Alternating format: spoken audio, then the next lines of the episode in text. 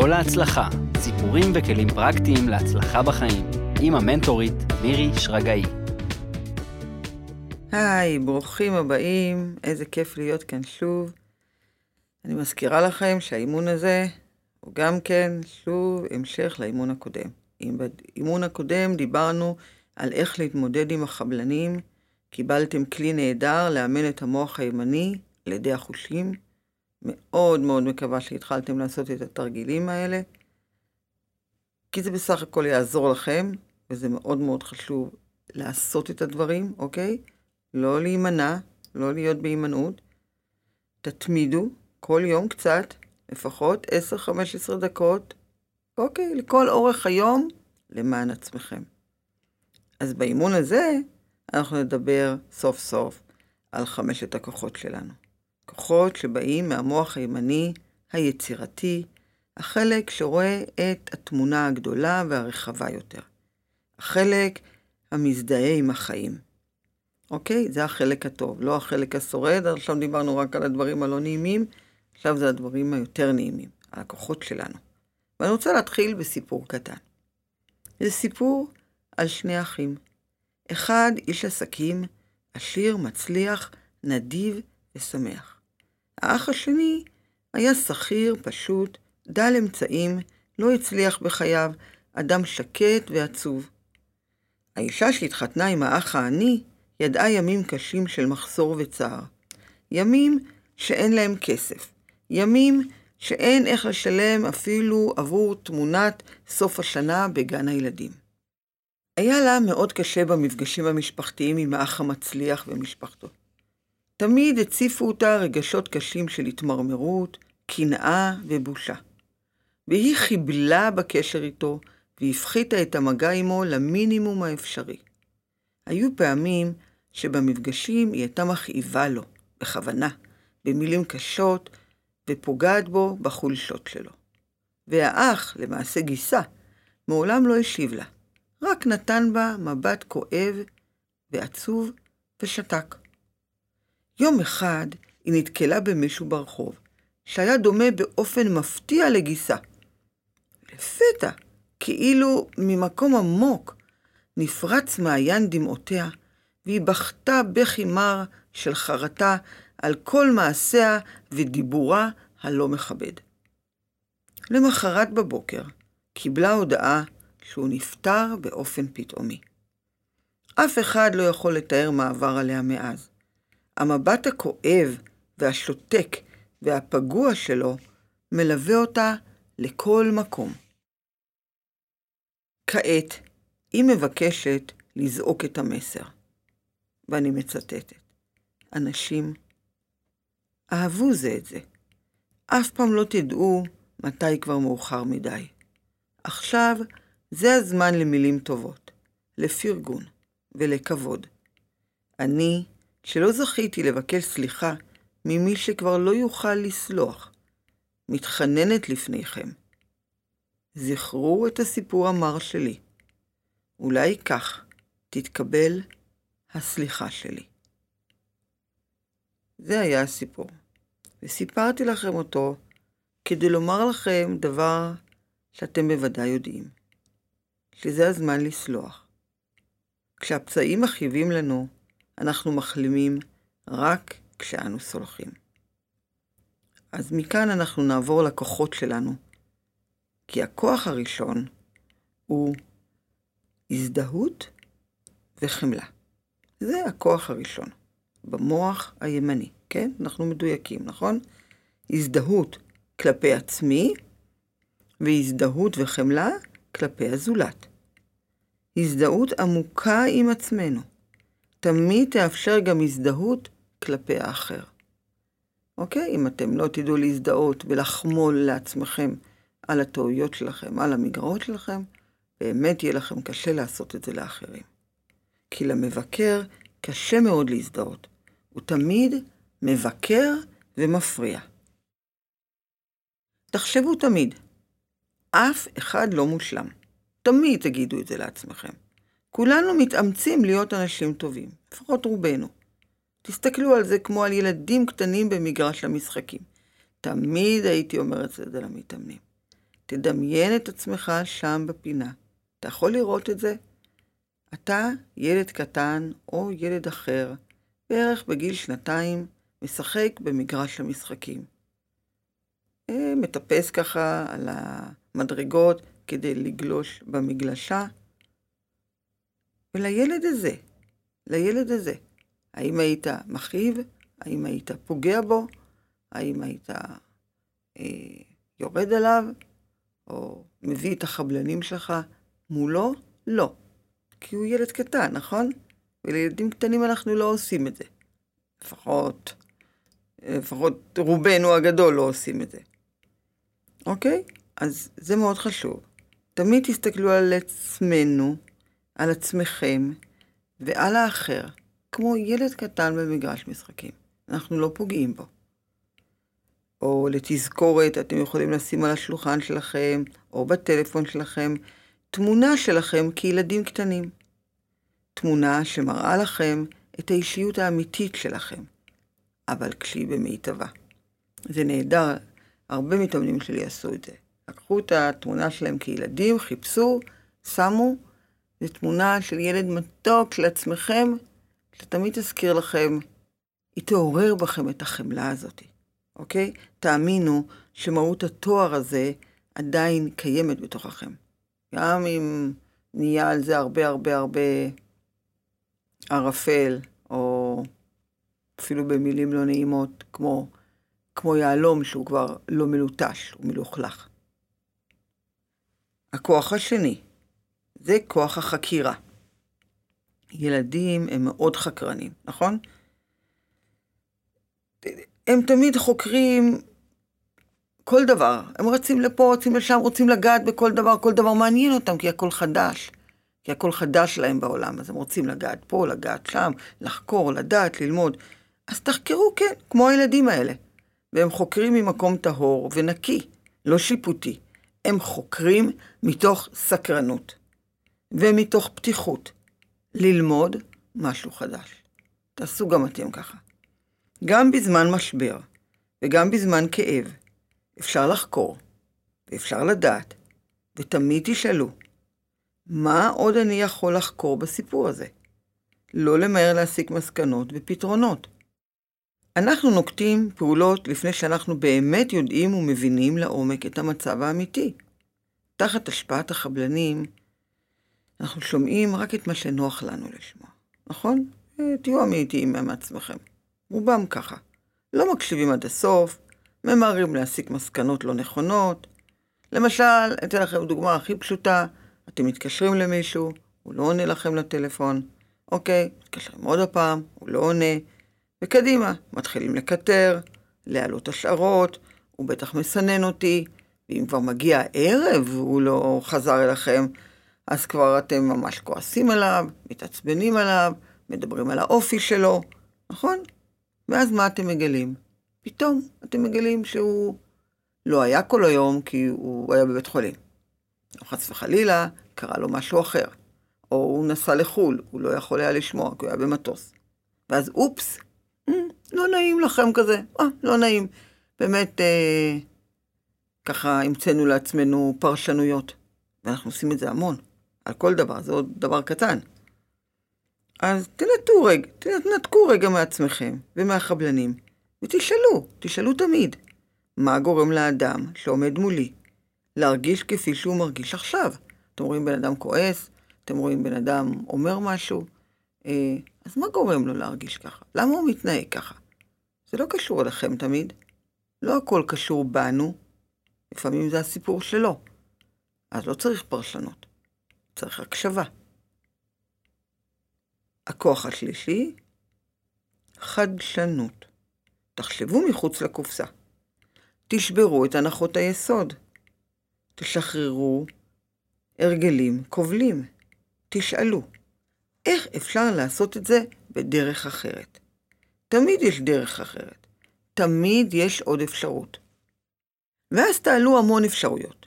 גם אפשרויות שנראות לכם לא אפשריות, מצחיקות קצת, הזויות, אבל מה אכפת לכם? תשחררו את הכל. תעלו את כל הרעיונות על דף, או בראש, תלוי כמה עמוק הנושא הזה שאתם דנים בו עם עצמכם עכשיו. תפרצו כמה שיותר רעיונות. תמיד תמיד הייתי עושה את זה במתאמנים. היינו לוקחים דף, למשל הייתה לי מישהי שאומרת, אני רוצה לרדת במשקל. אוקיי, אז אחרי שזיהינו את החבלן, אחרי שבאמת היא לקחה נשימות ונרגעה וקראה לחבלן בשם שלו, אז עכשיו אנחנו רוצים לעבור למוח ימין, ולתת כמה שיותר רעיונות חדשניים איך להוריד במשקל. אז אנחנו זורקים מלא רעיונות, היא זרקה. אני ארכב על סוסים, וצחקה, בחיים היא לא רכבה על סוס. לרוץ, לא לאכול מתוק, להצטרף לקבוצת ריצה, לעשות פילאטיס, יוגה, ללכת דיאטנית, לחזור לעשן. ואז היא אמרה משהו מצחיק, אולי אני אשאר שמנה ואני אחיה עם זה בשלום.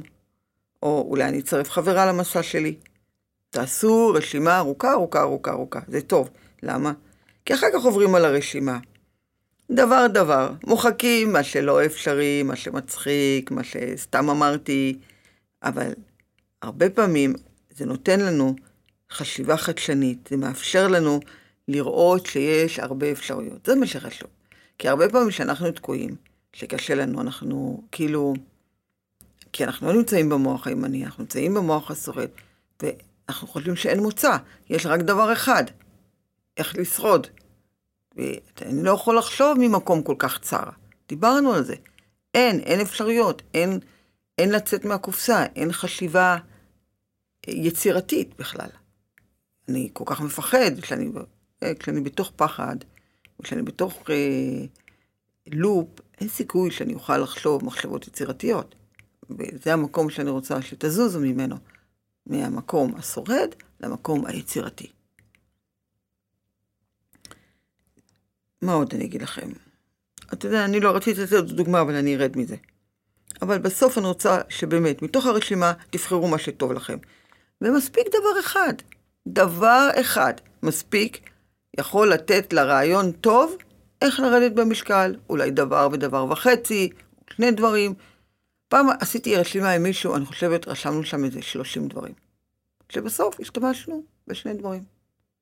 אבל זה מראה לבן אדם שיש אפשרויות. החיים לא נעולים, לא סגורים. לא לפחד להעלות רעיונות רבים. האמת היא, זה עדיף על ביקורת קשה, לא? הכוח הרביעי זה ניווט. עכשיו, הניווט זה המצפן הפנימי. זה הערכים העמוקים ביותר שלנו. אז כל הדברים שמע...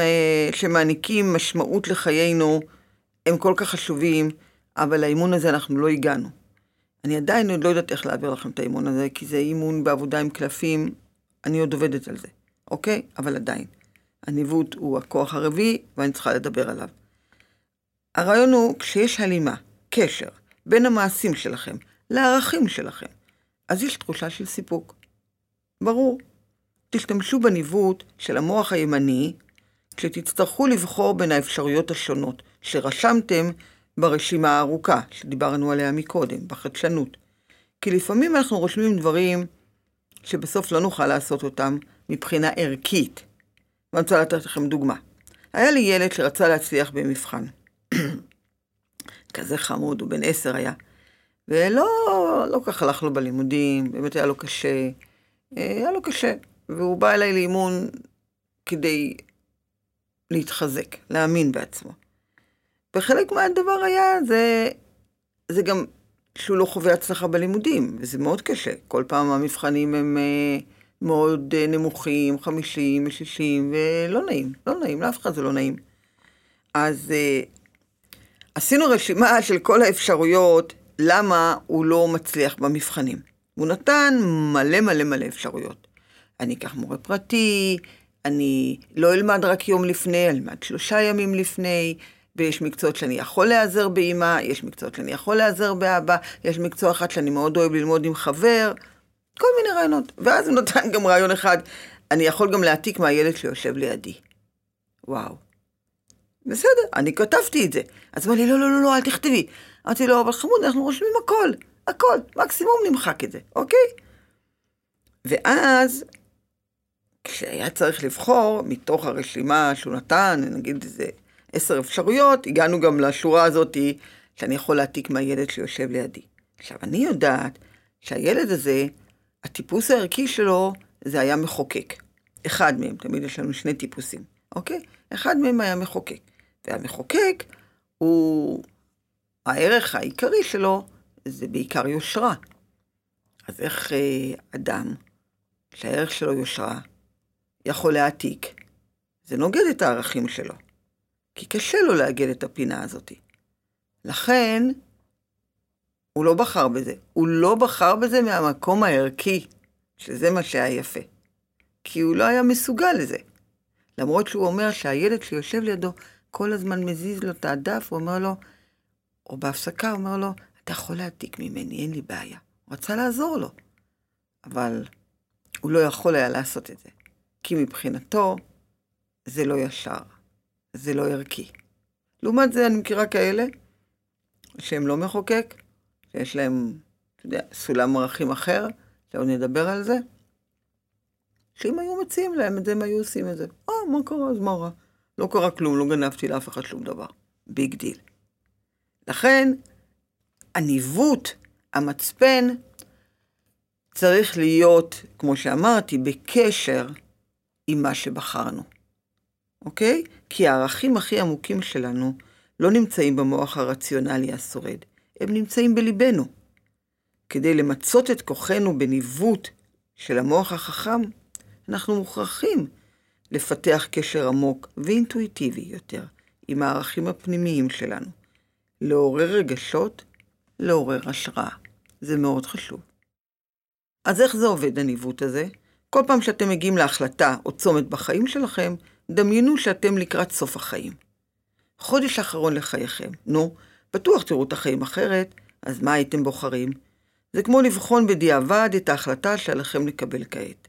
זאת נקודת מבט מאוד חזקה, וזה עובד, כי מנקודת מבט של סוף החיים, חלק גדול מהדאגות והחבלנים נראים לנו לגמרי חסרות שחר. כל כך כבר לא חשובים.